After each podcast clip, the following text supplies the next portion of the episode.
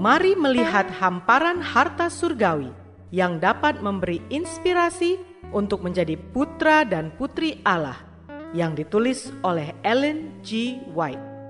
Melalui renungan pagi ini, kita akan mempelajari nasihat yang menguatkan dan memberi semangat untuk memperbaiki karakter kita. Bersama Mana Multimedia Ministry, selamat mendengarkan.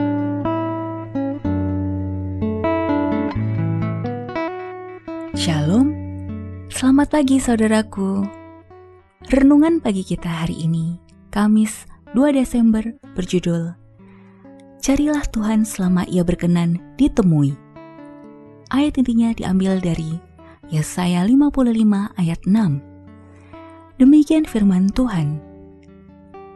Carilah Tuhan selama ia berkenan ditemui, berserulah kepadanya selama ia dekat. Bersama saya, Elizabeth Simorangkir. Mari kita dengarkan penjelasannya. Waktunya akan tiba ketika sudah terlambat untuk mencari Tuhan. Dan saya telah berpikir, bagaimana perasaan kita kelak apabila masa percobaan itu sudah ditutup. Dan segala pekerjaan hidup kita pun berakhir. Dengan perasaan yang bagaimanakah kita akan melihat kembali hidup kita yang sudah berlalu Apakah kita akan lebih tekun berbakti pada Allah daripada sebelumnya?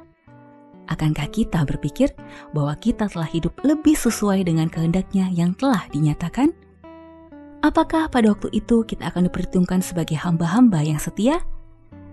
Apakah yang terjadi jika saat ini kita mendengar suara Kristus berkata, "Sudah selesai"? Mengingat segala tanggung jawab kudus yang terletak pada kita, hendaklah kita merenungkan hari yang akan datang itu agar kita dapat mengerti apa yang harus kita lakukan untuk menghadapinya. Dalam pertemuan khusus pada akhir zaman, dalam pendengaran alam semesta, akan dibacakan alasan hukuman orang berdosa itu. Untuk pertama kali, para orang tua akan mengetahui rahasia hidup anak-anak mereka. Anak-anak akan melihat bagaimana banyak kesalahan yang mereka telah lakukan terhadap orang tua mereka akan terjadi pengumuman mengenai segala rahasia dan motivasi hati, karena apa yang tersembunyi akan dinyatakan kelak.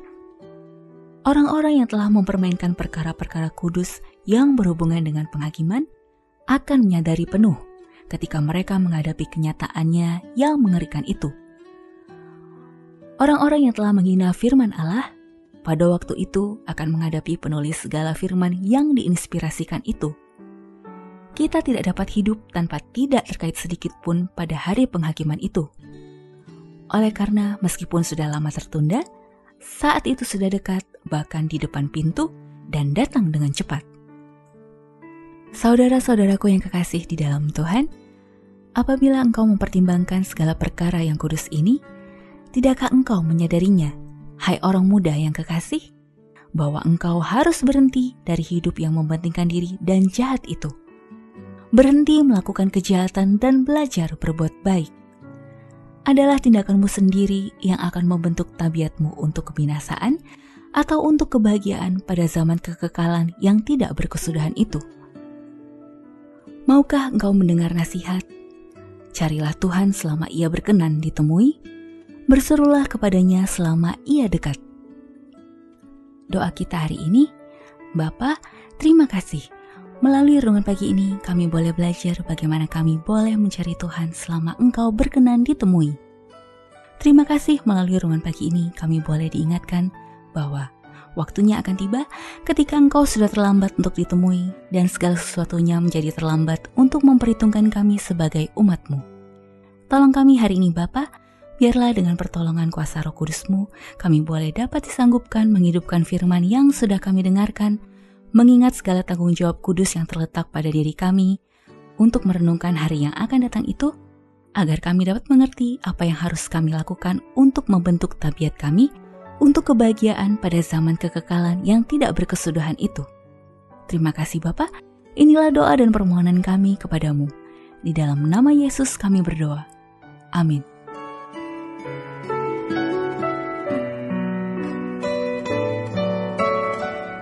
Demikianlah tadi pembahasan tentang menjadi putra dan putri Allah.